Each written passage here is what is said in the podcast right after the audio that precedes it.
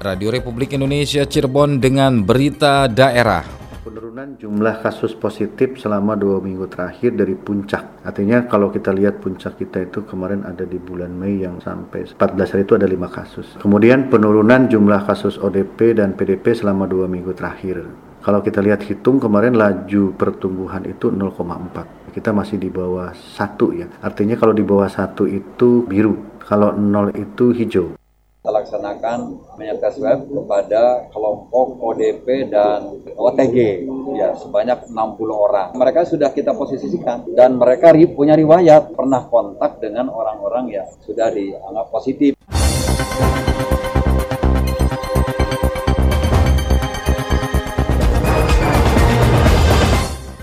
Sari Berita Dinas Kesehatan Kabupaten Cirebon siapkan 15 indikator untuk menghadapi tatanan kehidupan baru. 60 orang dalam pemantauan ODP dan orang tanpa gejala OTG di Kabupaten Majalengka menjalani tes swab massal. Bersama saya Iskandar Zulkarnain, inilah berita daerah selengkapnya.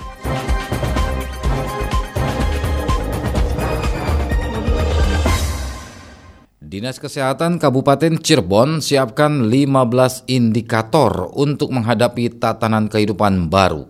Informasinya dilaporkan Cece Rukmana.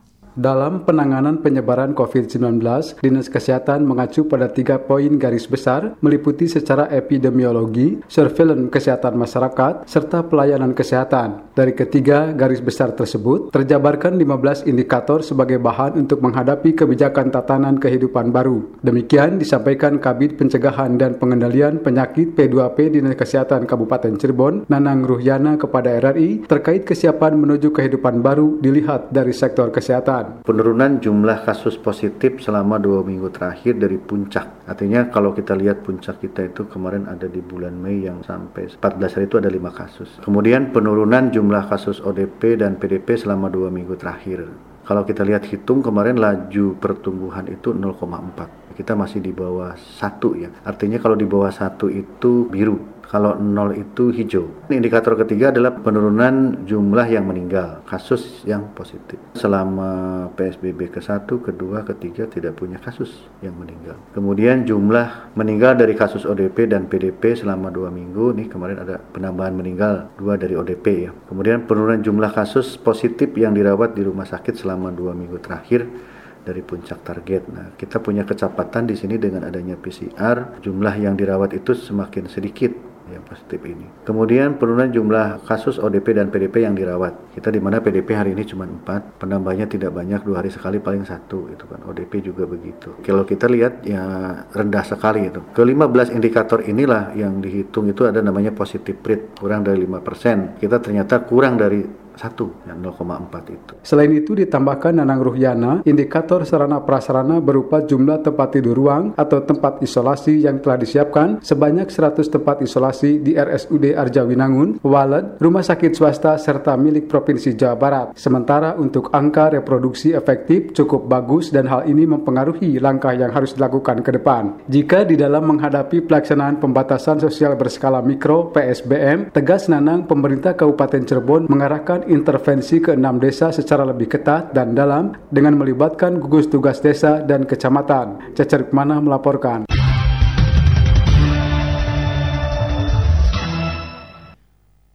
Pemkap Cirebon masih menunggu keputusan lanjutan PSBB proporsional dari Kemenkes. Informasinya dilaporkan Yulianti. Kasus terkonfirmasi positif COVID-19 di Kabupaten Cirebon bertambah kembali dua orang menjadi 18 orang. Kasus terkonfirmasi positif ke-17 dan 18 adalah berjenis kelamin perempuan, usia 41 tahun dan 52 tahun. Juru bicara gugus tugas percepatan penanganan COVID-19 Kabupaten Cirebon, Nanan Abdul Manan kepada media menjelaskan, gugus tugas percepatan penanganan COVID-19 Kabupaten Cirebon telah melakukan tracing dan tracking terhadap kontak erat termasuk mendalami riwayat perjalanannya. Kasus konfirmasi positif yang ke-17 ini jenis kelaminnya perempuan usia 41 tahun. Pasien adalah pasca operasi dengan penyakit penyerta komorbid dilakukan swab tanggal 9 Juni dengan hasil konfirmasi positif. Saat ini sedang menjalani perawatan di rumah sakit sejak tanggal 3 Juni. Hari ini masih dilakukan tracing dan tracking untuk deteksi dini kontak eratnya dan memutus mata rantai penularan. Saat ini baru dapat 20 orang kontak erat yang terdata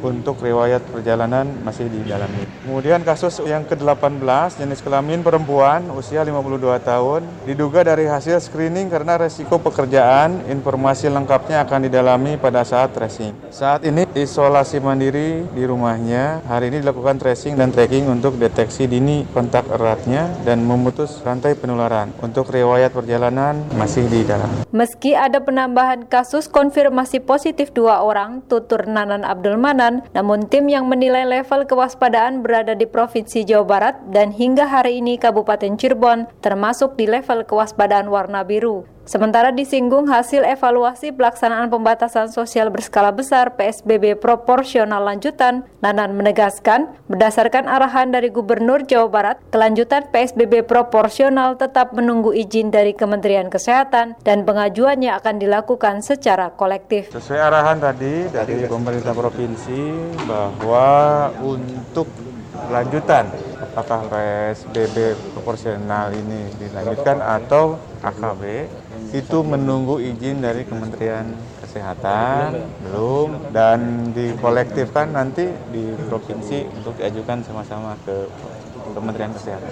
Untuk saat ini kami sedang menyusun surat usulannya menunggu data perkembangan dari bagian hukum. Ditambahkan Nanan Abdul Manan, untuk pola yang diusulkan pemerintah Kabupaten Cirebon, pihaknya akan menunggu informasi dari bagian hukum yang melihat kajian epidemiologi dan tentunya bagian hukum Kabupaten Cirebon juga menunggu keputusan dari Provinsi Jawa Barat.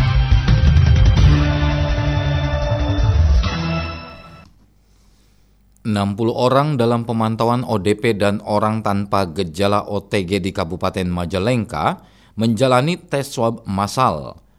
Laporan selengkapnya disampaikan Muhammad Bakri. Sebanyak 60 orang warga Kabupaten Majalengka yang berstatus orang dalam pemantauan ODP dan orang tanpa gejala OTG menjalani tes swab. Hal itu untuk mengecek apakah ada warga yang positif Corona 19 atau tidak. Bupati Majalengka karena Sobahi menjelaskan tes swab perlu dilakukan karena tes swab memiliki tingkat akurasi yang lebih baik dibandingkan rapid test. Terkadang baru dilakukan rapid test saja sudah dikatakan positif, padahal belum pasti, sehingga orang yang dilakukan rapid test menjadi stres. Bupati Karna lebih lanjut mengatakan alasan terlebih dahulu melakukan tes swab kepada para ODP dan OTG karena ODP dan OTG mempunyai riwayat pernah kontak langsung terhadap orang-orang yang positif kita laksanakan menyertai swab kepada kelompok ODP dan OTG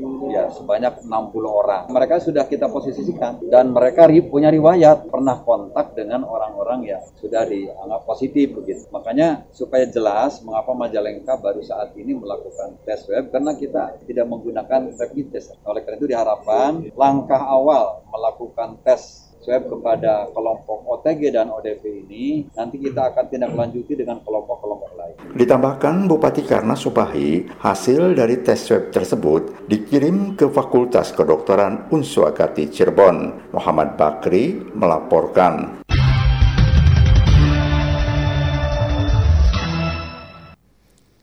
Pegiat seni di Cirebon yang ikut terdampak pandemi COVID-19 berharap ada perhatian dari pemerintah daerah. Selengkapnya dilaporkan Alex Sunardi. Para pegiat seni dan pelaku event di Cirebon berharap bisa lebih diperhatikan pemerintah daerah karena mereka merupakan salah satu profesi yang sangat terdampak adanya pandemi COVID-19. Sejak merebaknya pandemi COVID-19 di Indonesia, banyak kegiatan yang sudah terjadwalkan terpaksa dibatalkan karena kegiatan pegiat seni dan pelaku event rata-rata mengumpulkan massa sehingga tidak diperbolehkan mengadakan kegiatan apa pun. Salah satu pegiat seni dan pelaku event di Cirebon, Denny, kepada RRI mengatakan selama tiga bulan terakhir para pegiat seni dan pelaku event benar-benar terpukul karena tidak ada pemasukan sama sekali dan diperparah dengan tidak adanya perhatian dari pemerintah daerah seperti kepada profesi lainnya semisal ojek online. Ia menegaskan para pegiat seni dan pelaku event tidak meminta bantuan sosial seperti profesi lainnya, tapi adanya kepastian bagi pegiat seni dan pelaku event untuk bisa melaksanakan aktivitas kembali. Kita nggak minta bantuan atau sumbangan sosial atau bantuan sosial, nggak, nggak, nggak. Sama sekali nggak, kami masih diberikan tangan, kaki, akal pikiran untuk bisa berpikir keras di saat pandemi kemarin. Kami hanya ingin ngobrol tentang aturan karena aturan hanya sebatas aturan. Di wilayah ini sudah boleh, wilayah itu belum boleh. Di kota ini sudah boleh, di kota itu belum boleh. Nah, khususnya kota Cirebon sendiri ini nggak merata peraturannya. Denny menambahkan, para pegiat seni dan pelaku event sudah mengajukan permohonan untuk melakukan audiensi dengan pemerintah kota Cirebon maupun Kabupaten Cirebon serta dinas instansi terkait lainnya untuk membahas terkait nasib para pegiat seni dan pelaku event di masa tatanan kehidupan baru, sehingga mereka bisa kembali melakukan aktivitas di panggung seperti sebelum merebaknya pandemi COVID-19. Alex Sunardi melaporkan.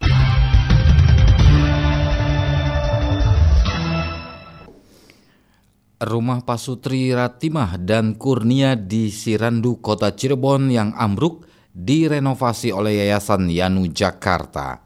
Laporan selengkapnya disampaikan Aji Satria. Yayasan Amal Nusatan Utama Yanu Jakarta telah selesai merenovasi rumah milik Pasutri Ratima 74 tahun dan Kurnia 65 tahun di Kampung Sirandu RW 12 RT 04 Kelurahan Pegambiran Kecamatan Lemah Wungkuk Kota Cirebon kemarin. Rumah tersebut langsung diresmikan oleh Ketua Yanu Jakarta Emilia Limardu Effendi dihadiri langsung oleh Wakil Wali Kota Cirebon Hajah Eti Herawati. Kepada RRI Ketua Yanu Jakarta Emilia Limardu Effendi didampingi Ketua Yanu Anu Cirebon Puguh Purwandono menjelaskan, awalnya mendapat informasi ada rumah milik Pak Sutri kurang mampu yang ambruk pada tanggal 26 Mei 2020 lalu. Pihaknya pun langsung datang ke lokasi untuk memberikan bantuan berupa renovasi rumah dan selesai selama 15 hari pembangunan. Selain itu juga Yayasan Yanum memberikan bantuan rutin sembako setiap bulannya untuk Pak Sutri, Ratimah, dan Kurnia.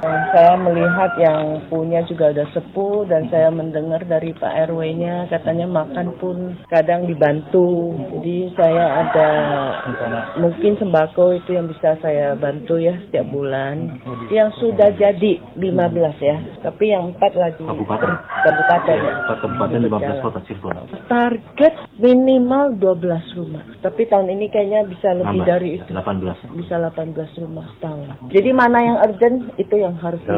mau tua mau muda memang tidak layak yang bisa saya bantu saya bantukan.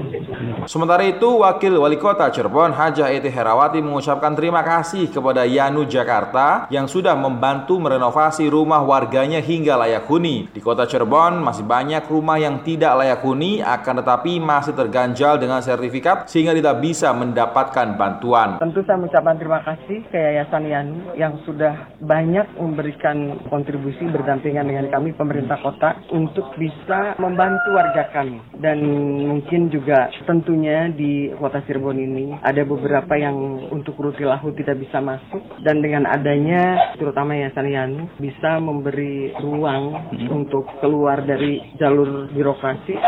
Dan ini tentu saya mengapresiasi itu. Jadi ini bentuk peran serta swasta yang tentunya ini sangat dibutuhkan. Karena banyak regulasi yang masuk. Tapi yang jelas Yayasan Yanu tidak melihat sisi mana. Di mana pun tempatnya tidak terbatas sertifikat nggak ada dan tidak, nah, karena pihak swasta bisa dan hari ini mungkin di pengambilan. Tentu peran serta Yayasan Yanu tidak saja di Rutilaku yang saya sudah langkah kakinya sudah sering terdengar dan di media dan sebagainya dan dari Dinsos sendiri juga melaporkan setiap kegiatan rutilahu atau kegiatan sosial bagi sembako dan sebagainya, Dinsos melaporkan ke kami. Jadi sudah langkahnya sudah banyak. Di pandemi ini pun sudah berbagi ke rumah sakit Gunung Jati dan untuk warga. Semua kami sudah mendengar semua. Sekali lagi saya mengucapkan terima kasih. Hingga saat ini Yanu Jakarta sudah membantu merenovasi sekitar 19 rumah terdiri dari 15 rumah di wilayah kota Cirebon dan 4 rumah di Kabupaten Cirebon. Selain itu juga Yanu memberikan bantuan APD dan vitamin serta hand sanitizer dan lain sebagainya kepada tim medis dalam menangani pasien COVID-19 dan bantuan sembako kepada masyarakat yang terdampak COVID-19 serta peralatan sekolah seperti tas dan lain sebagainya. Aji Satria melaporkan.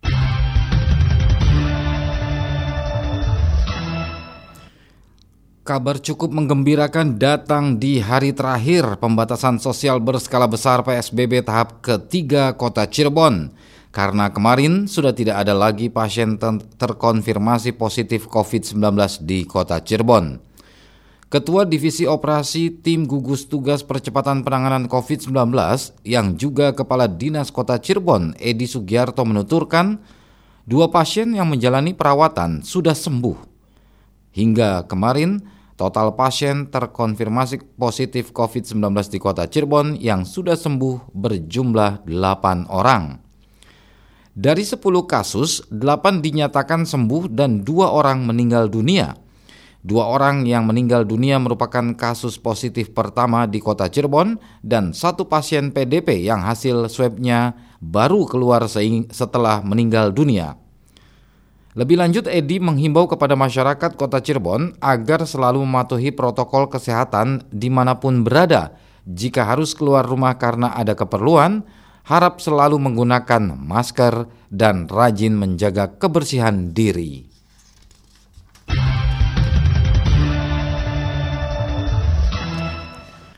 Pendengar selanjutnya kita beralih ke berita olahraga. Berita olahraga. Berita olahraga. Ketua Umum KONI Kota Cirebon, Hajahwati Musilawati, melalui wakilnya Eka Madia meminta kepada seluruh atlet agar fokus berlatih di rumah, dojo atau tempat latihan khusus di masing-masing cabang olahraga selama masih pandemi COVID-19. Menurut Eka, saat ini semua kegiatan umum dan olahraga sangat terbatas dilakukan, bahkan tidak ada sama sekali akibat adanya pandemi COVID-19. Hal ini, maksud kami hal itu tentu harus membuat tim kepelatihan dari semua cabang olahraga harus berpikir ekstra keras dalam memberikan materi dan program-program latihan secara profesional dan maksimal. Tentu, KONI Kota Cirebon mengapresiasi kinerja tim pelatih yang telah memberikan dedikasi dan loyalitas untuk tetap memantau proses latihan mandiri atlet baik melalui online dan komunikasi lainnya. Koni Kota Cirebon tegas Eka optimis seluruh atlet Kota Cirebon akan selalu siap dan mampu memberikan kontribusi prestasi terbaik bagi perkembangan prestasi olahraga di Kota Cirebon.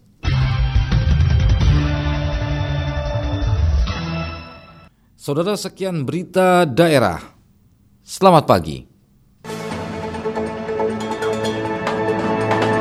Demikian rangkaian berita aktual pagi ini dalam Buletin Berita Daerah Radio Republik Indonesia Cirebon.